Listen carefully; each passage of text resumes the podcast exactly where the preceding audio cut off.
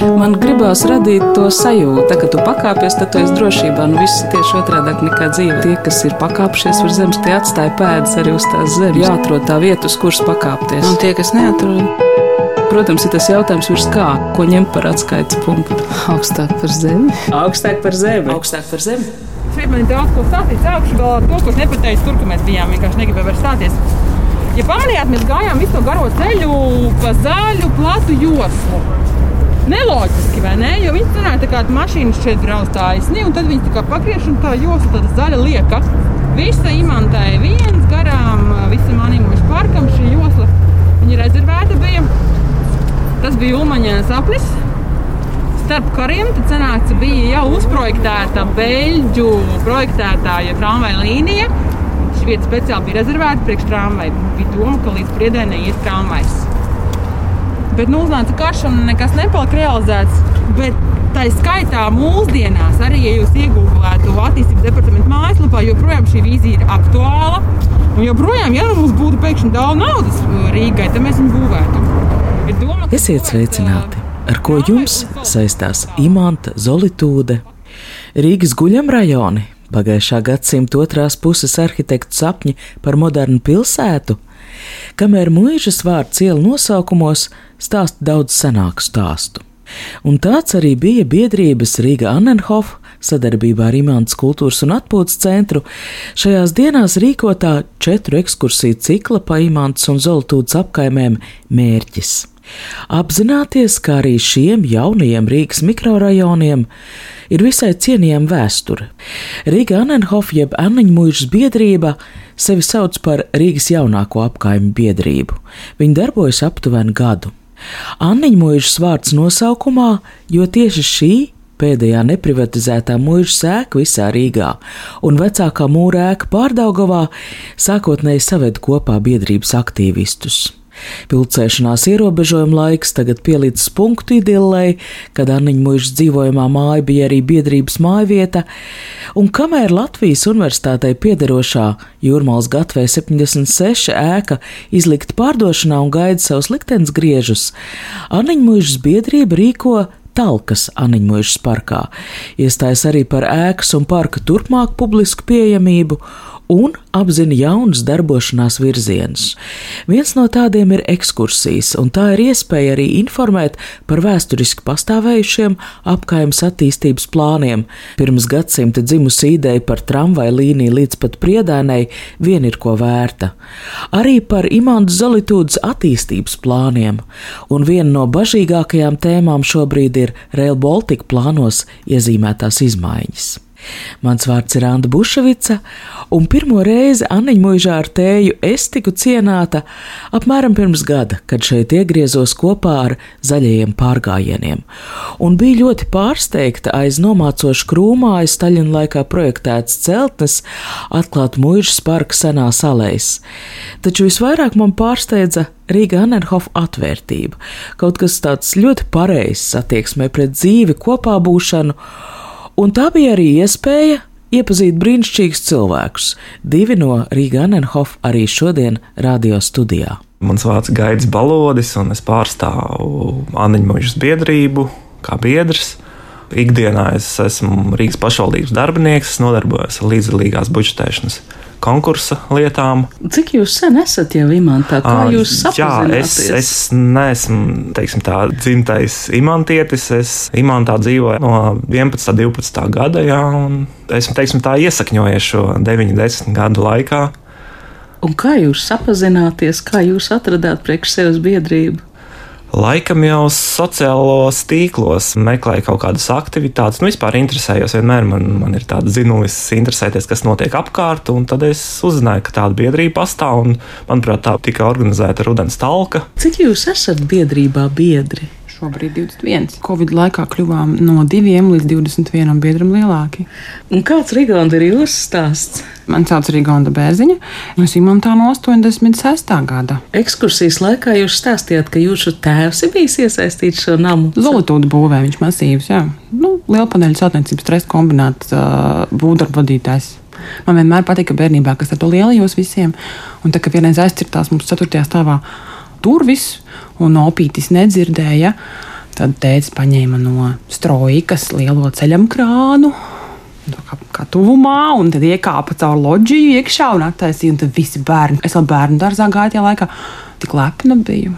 Bet jūs valdziet, teiksim, šī urbānā ainava, nu, tā ir tā nu, 20. gadsimta izpratne par ērtu dzīvi. Imanta mainās. Man tas tieši patīk, tas, ka viņi ir tik daudzveidīgi, ka jebkurš cilvēks var atrast savai gaumē kaut ko, kam patīk kaut kāda romantika un klusums un pirmatnīgums. Viņš atradīs savu vietu imantā, kam patīk ļoti modernizēta debesu skrāpja, viņš atradīs savu vietu imantā. Tāpēc arī mēs par to mūžīgi ļoti uztraucāmies sākumā, kad kaut kādā ziņā vai daļai cilvēku tiktu atņemta šī iespēja šim lokam, kas tieši grib to pirmatnīgo, neapgūto, tādu senatnīgo. Kā dzimta biedrība? Nu, mēs eh, divi tā bijām ar Gaļinu. Mēs iepazināmies tieši pastaigājoties un ļoti aizdomīgi vērojot eh, visādus teritorijas īpašumus imantā. Jo tu pazīsti, katru krūmu pazīsti pēc mazliet. Un tieši tā mūža, kas arī uzrunāja, tāpēc likās ļoti aizdomīgi pēkšņi.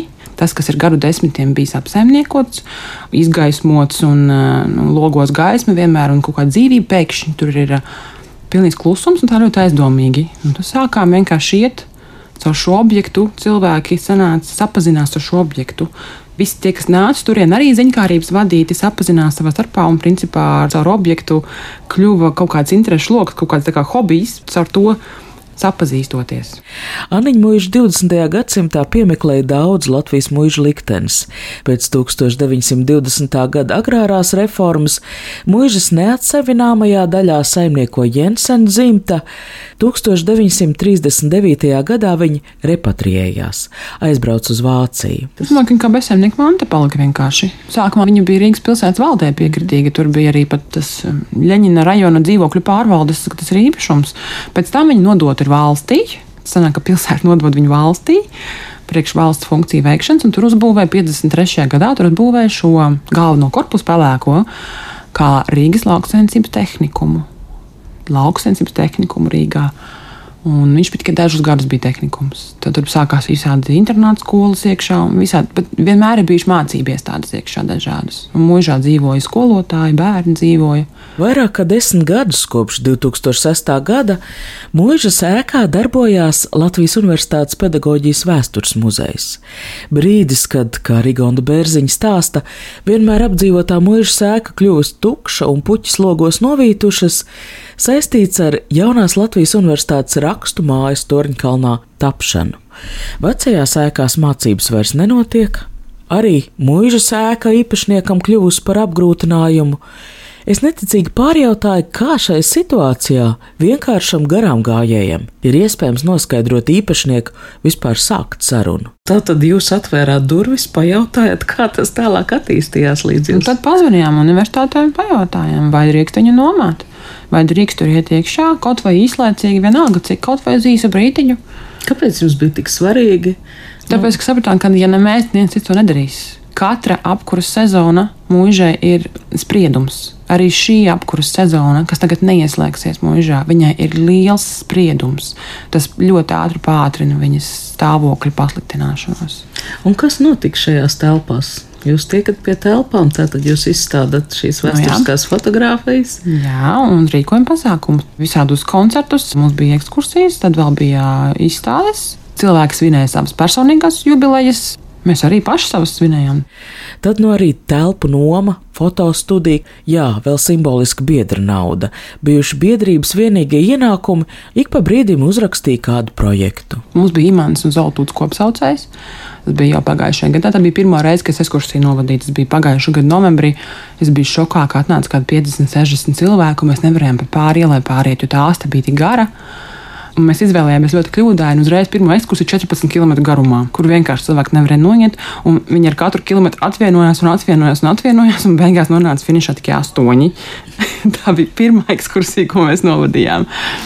Pēc tam bija kāds pārtraukums, kad mēnesi, tad mums bija visādi koncerti, mums ir bijuši tieši pašas arī iepazīstināšana ar mūžu, jo mūža bija vienmēr vaļā koridors bija pilns ar uh, vēsturiskiem materiāliem, senām um, fotografijām, vecām laikrakstiem. Uh, jebkurš varēja jebkurā laikā ienākt, tur sasildīties, piemēram, ja, un kaut ko uzzināt. Tad mums vēl ir gaļina. Noteikti raksturīgi iezīme. Viņa bija mums mūžas cilvēks, kurš vienmēr uz vietas. Nu, tā kā tur arī bija fotostudija, kā fotogrāfs strādāja. Un ar savu suni. Suns arī vienmēr bija mūžā kā tāda iezīme. Jo tas arī īstenībā mūžā bija raksturīgi. 39. gadā, kad um, pēdējā saimniece Anna Marija Jensena, kad pamet, viņa arī tur dzīvoja ar lielu suni tajā mūžā un ar vienu mazu zirgu mūžā iekšā telpās dzīvoja. Tā kā suns tajā mūžā piestāv. Pēc tam jau mēs sākām rīkot decembrī pašā beigās uz jauno gadu jau tā kā jau katru nedēļu ekskursijas. Jo sapratām, ka cilvēki grib, tiešām grib. Un mēs principā janvārā, februārā tā viņas novadījām, un kamēr uznāca Covid, un to viss beidzās. Pandēmijas gaidas pavasarī pārvilka strīpu pasākumiem. Biedrībai māju nācās atstāt, pie kam ne bez domstarpībām.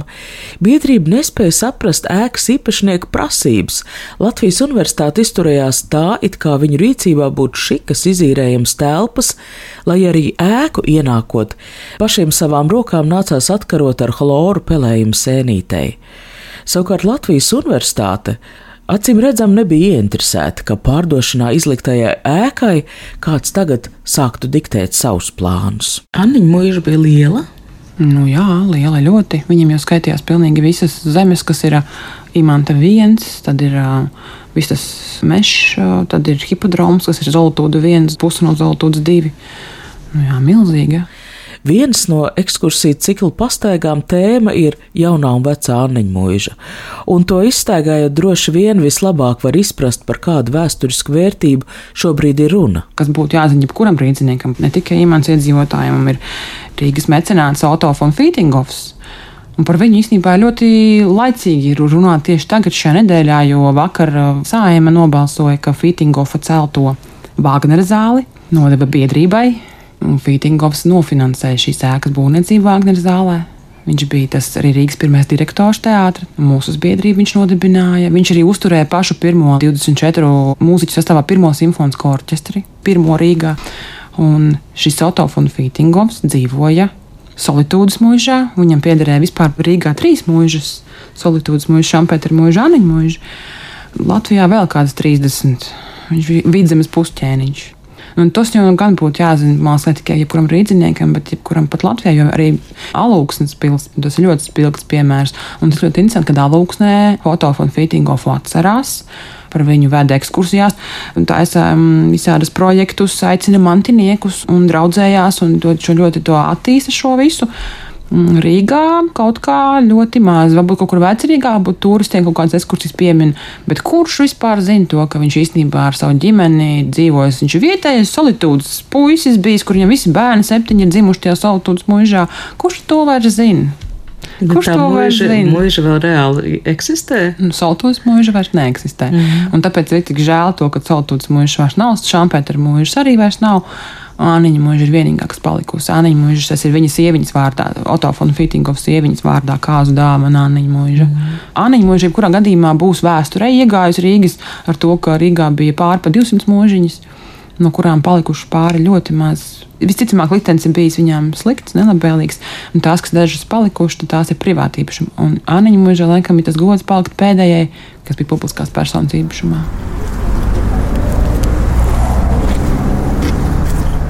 Pie Anniņa mūžas pagātnes un nākotnes mēs vēl šai sarunā atgriezīsimies. Taču Rigauns Bērziņš vadītās ekskursijas pa imantu atklāja vēl citas apkaimes vēstures lapuses, un šobrīd esam apstājušies šķietamā nekurienē, uz jūrmālas gatves Anniņa mūžas bulvāra stūra, kur kāds bīstam tū braucamajai daļai lasa nenogatavojušos vāriekstus, ekskursants sastājas nomīdītā pleķī neuzceltās tramvai līnijas vietā esat pievērsuši uzmanību šīm visām pazudušajām siltumnīcām, šiem pamatiem, interesantajiem. Esat ievērojuši? Es vēl bērnībā viņas atceros, kā viņi izskatījās, un tad viņi pēkšņi pazuda ļoti strauji. Ja šķietinām to vēsturi no paša sākuma, tad uh, adrese šai vietai bija Jānis Mūžas iela 71, un šī bija lielākā Rīgas dārzniecība. Dibināta 1905. gadā. Piederēja dārzniekam Erdmanim, kurš tepat Rīmantā dzīvoja. Un principā viņi ir izturējusi visus šos karus, politiskos režīmus, bet neizturēja privatizāciju. Ar to arī viss beidzās, ar to arī viņas liktenis ir izlemts. Kad šeit bija cīņas arī Bermuda laikā, nu, kad paša Bermuda stāvs bija mūžā, iekšā bija arī. Un, tad jau viņa tika pirmoreiz kārtīgi laupīta. Vācieši ņēma atkāpjoties visu līdz, ko varēja paņemt un, un demolēja. Bet tajā laikā jau auga pilnīgi viss jau pat orhidēs. Tajā laikā jau 30. gados šeit audzēja siltumnīcās. Dzidrapsīte pierakstījusies uz trim no cikla četrām ekskursijām. Kas jūs pamudināja nākt uz šo ekskursiju? Tāpēc, ka es daudz ko nezinu. Es vienkārši gribu iepazīt vairāk kaut ko. Un sen jūs savu imantā dzīvojat? Sen gan no 74. gada. Un kāds bija imants 74. gadā? Ko jūs ieraudzījāt? Daudz kas bija savādāks. Nebija jau nekas no šitā visa, kas te. Un vēl bija pļāviņa pāri pie dzelzceļa, tur motocikleti brauca. Nu, tas man tā ir palicis atmiņā, ka gāja parasti uz Jāņiem meklēt puķus. Un, un pa pļauju tā pļauja bija vienreizēja vienkārši. Tagad tur ir tas ledus hallija. Nu, tas viss ir izmainījies ļoti, ļoti, ļoti. ļoti. Jautāja arī studijas viesim, Gaidim Balodim. Kas varbūt jūs ir visvairāk pārsteidzis no dzirdētajiem stāstiem? Tā apzinot un interesējoties, jā, arī tas, ka nu, Latvijas teiksim, Rīgas atbrīvošanas cīņas nu, pirms simts gadiem, nu jau pirms simt viena gada, jā, arī Aniņoģis apkārtnē ir izcinājušās. Tas pats arī tas diškoku daudzums noteikti pārsteidza. Jā, nu, tie senās mūžas, teiksim, stādīt, iespējams, mužnieku visdrīzāk, vai dārznieku mūža stādītie koki. Arī tas mužnieka pēdējā, teiksim, tā, kas uh, dzirdziņš, kas ir bijis šajā mūžā, tas arī tāds interesants tāds mūžas. Kāds ir šis stāsts par zirdziņu? Nu, tā bija pati pēdējā mantinieca, kā es saku visiem, Aniņa mūžā ļoti interesantā, es sakritis, ka pirmā pati tā vārda devēja Anna Ulriha. Mīniha von Fītingofa, un pēdējā arī sanāca arī Anna, Anna Marija Jensena. Uh, Un 39. gadā vienkārši ļoti skaists raksts, kur viņi pēdējos dažus mēnešus Latvijā pavada pirms šķēršošanas, nu, kad viņi dodas prom no Latvijas, visus vāciešus. Tad um, viņi stāsta par to, cik daudz spoku tajā mūžā, nu, kā viņi saviem vārdiem, kā jau jauna sieviete stāsta par saviem iespējām tajā mūžā. Bet arī ar tiem vārdiem, kas ir viņas personīgs viedoklis, arī pavīdi fakti. Tur ir viņa apraksta par to, ka ir bijusi lāpene uz sāliņas, un ir bijis tiltiņš, un ir bijusi strūklaka arī kuru īstenībā beidz darboties 19. gadā, laikam saistībā ar tām cīņām. Un zirdziņš? Par zirdziņu tikai bija pieminēts, ka pats mazākais zirdziņš, nezinu, vai ponija tajā laikā bija, nezinu, un liels. Jo tajā laikā jau bija tā, ka tā mūža bija sliktā stāvoklī, viņi tur arī apraksta, ka viņi ir ar vīru jauno arī dzīvo vienā telpā, visas pārējās ir sabrukušas, jumts tek, visas glāznas, visas, visas pārnestas uz vienu istabu, viņi principā tur nodzīvo tikai var pēdējos brīžus. Mm. Mēs arī domājam, laikam, kas tādu jaunu sievieti turēja pēdējos mēnešus pirms kara, jau pirms iešanas prom, kad zinot, ka visi šo Vācijas sistēmu jau sāk tur. Nu, Sabiedrībai nepatikt, un kad nu, tieši noteikti saprata to, ka būs kaut kas briest eh, sabiedrībā un ka būs jābrauc no Latvijas. Bet kas viņu turēja? Jo vecāki, jau māte tēva jau bija laicīgi uz Vāciju pārvākušies. Kas tur tāda jauna meitene, 20 pāri gadi Rīgā, viena paša bez ģimenes, kaut kādā pusabrukušā ēkā? Nu, kas mīlestība var turēt? Kas var turēt cilvēku par spīti visām grūtībām kaut kur? Jā, tikko bija salauzājušies. Bet mēs nevaram atrast cilvēkus tagad. Vācijā mantiniekus mēs zinām, ka viņi ir. Viņi taču bija atbraukuši un viņi cīnījās par mantojumu, ir viņu uzvārdi figurē, ar zīmolīti pierakstīti pie arhīvu lietām. Bet nu, skaidrs, ka nekas nav izdevies. Viņiem kaut kas varbūt pietrūka. Aniņa mūžas biedrība, kā viena no iespējām izmainīt esošo situāciju, meklēja Vācijā Aniņa mūžas pēdējo īpašnieku mantiniekus. Es pat nezinu, kāds bija viņa nodoms. Uzzināt vairāk par reiz par lustīgo sauktās mūžiņas ziedu laikiem, mudināt mantiniekus atgūt vismaz daļu mūžas zemes, kas savulaik pašvaldībai tika nodot kā bezsaimnieka manta. Tā pati teritorija kopīgā vēsturiskā kā, kas ir saistīta ar vienas dzimtas saknēm, ar vieniem to pašu ģimeni. Tā ir 17 hektāru liela teritorija. Tā ir vecā aniņa mūža un jaunā aniņa mūža. Vecā koka, no kuras ir pāri palicis tur viena siena, varbūt pāris ķieģelīši. Un ir jaunā aniņa mūža, kas ir 19. gadsimts, vecā ir 16. Un šobrīd sanāca tā, ka mantinieki nespēja atgūt šo zemi 95. gadā. Acīm redzot, kaut kas nogāja greizi, viņi nespēja pierādīt. Bet savu, kas, kas ir šī manti? puse palika sanāk 9 hektāri pašvaldības pusē, palika un 8 hektāri no Latvijas universitātes. Vai šobrīd vispār ir īstais brīdis runāt par Anniņu mūžas nākotni? Kam adresēt lūgumu, ja runa ir par pašvaldības teritoriju un īpašumu, kas šobrīd izlikts pārdošanā? Ir jāmeklē labākais saimnieks. Tas ir pats galvenais. Tas arī tas, par ko mēs visvairāk uztraucamies, ka mēs meklējot pārdošanas sludinājumā potenciālo saimnieku tādu, kurš pat nezina, ka tur īsti mūža ir, jo viņš tas netiek uzsvērts nekur tā ļoti. Viņš tiek noslēpts ar vārdiem mācību ražošanas darbnīca. Normāls cilvēks tā neiedomāsies, ka tā ir domāta Anniņa mūža.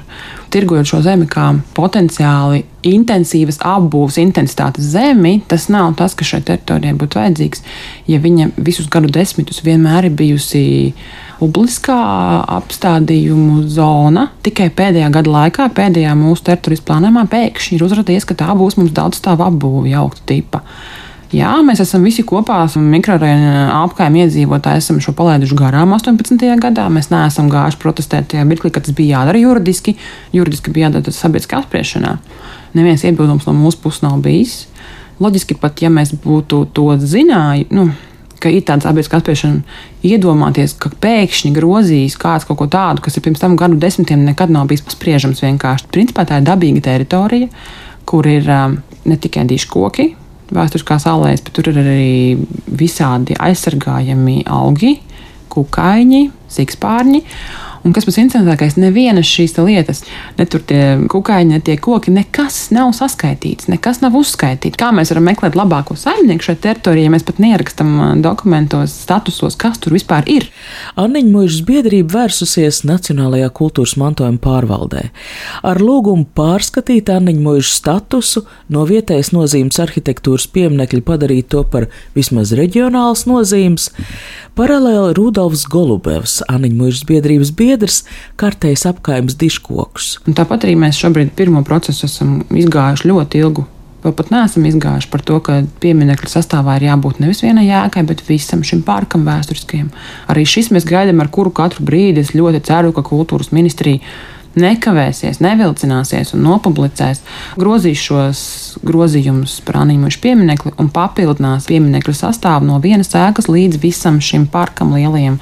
Kuru katru brīdi es tiešām ļoti ceru sagaidīt vēstnesī šo publikāciju, ka tas ir stājies spēkā. Būtiskais, par ko iestājas biedrība, pat ja ēka un parks tiktu saglabāta.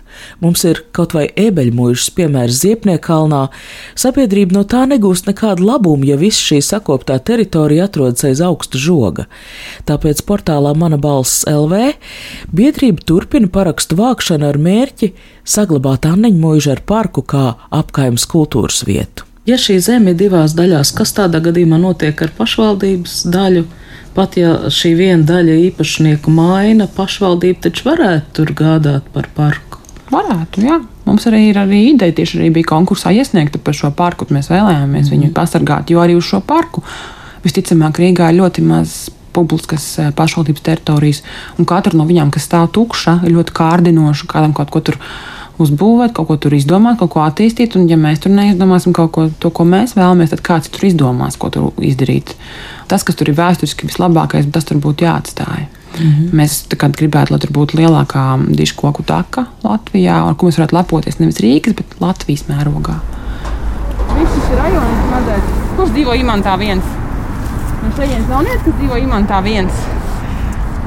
pats vecākais rajons, pats no kā viss ir tāds imants ciems. Principā imanta viens ir imants ciems.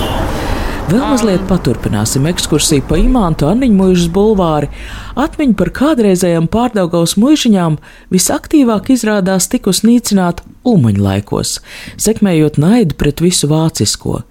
Tad arī notikusi plaša ielu pārdēvēšanas kampaņa, izslēdzot no nosaukumiem vārdu mūža, Anniņa mūža vairs nederēja bet imants savu nosaukumu aizgūna no reizes slavenas kuģmašīnu fabrikas, kas atradās zem tagadējā imants tilta. Mēs arī aiziesim līdz kuģmašīnu fabrikai.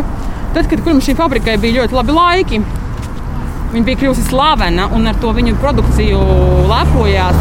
Viņi bija paņēmuši pirmie šo vārdu imanta. Kāpēc tā viņi izvēlējās? Tas ir tas, kas pie pašas fabrikas būsim. Bet, eh, tāpēc, ka viņi šeit jau izvēlējušies šo vārdu imantu, un šeit bija fabrika liela, viņiem vajadzēja strādniekiem, kur dzīvot tika piešķirta vienkārši zeme. Lūdzu, šeit būvējiet sev strādnieku kooperatīvas imanta pie fabrikas, kas ir būvējiet sev, sev dzīves vietas. Un pirmās mājas ir gadsimtu mijā, ja 20. gadsimta pats pats sākums, šeit sākām mēs būvēties. Pēc tam, kad viņi jau bija sabūvējušies šeit, Viņi arī ar lepnumu šīs viņa speciāli izdomāja nosaukumus. Arī kooperatīva iela, tā ir vēsturiskā nosaukums. Tas nav padomu laikam nekāda sakara. Ja? Vienības iela. Šie vārdi bija tieši uz tādu patriotismu vērsti par to, ka. Progresa iela arī. Jā. Jā, jā, tāpēc šis bija tā laika, 30. gadu, ļoti liels sasniegums, ar ko visi ļoti lepojās. Un, kad viņi jau bija sabūvējušies, viņi bija ļoti daudz. Tad viņi rakstīja vēstuli Rīgas valdei un teica, mēs gribam, lai uh, šo visu rajonu sauc turpmāk par imantu. Attiecīgi, solitūdieši animužnieki bija totālā šokā, teikšu godīgi. Bija, man tur ir pat sārakstis no periodikas, viņi vairākas reizes rakstīja pretī vācu pārakstus pret to, ka mēs neļausim šo vēsturisko rajonu saukt par imantu. Ekskursantu vidū uzrunāja Sandru. Viņa uzdod jautājumus, un man šķiet ļoti zinoša apgājums vēsturē. Tad nu. jūs dzīvojat šeit kaut kur rajonā? Jā, es šeit es dzīvoju tā saucamajā progresielā, un es jau domāju, ka tas ir tāds padomu laika ražojums, tad te izrādās 30 gadi. Aha. Un kā interesanti. Un ja tā ir jaunā māja, vai cik sen? Nu, nosacīti jaunā māja, nu, padomu laika māja, blokmāja. Un cik sen jūs jau tur esat? Es dzīvoju no 90. gadiem, tā kā tām siltumnīcām vēl tur kaut kas vēl pukstēja tajās siltumnīcās. Un eh, cik sen jūs interesēties par rajonu vēsturi? Kas varbūt tas, kas nu, no. jums ir tāda atklājuma, kas kaut kādu raksturu ir jūsu dzīves?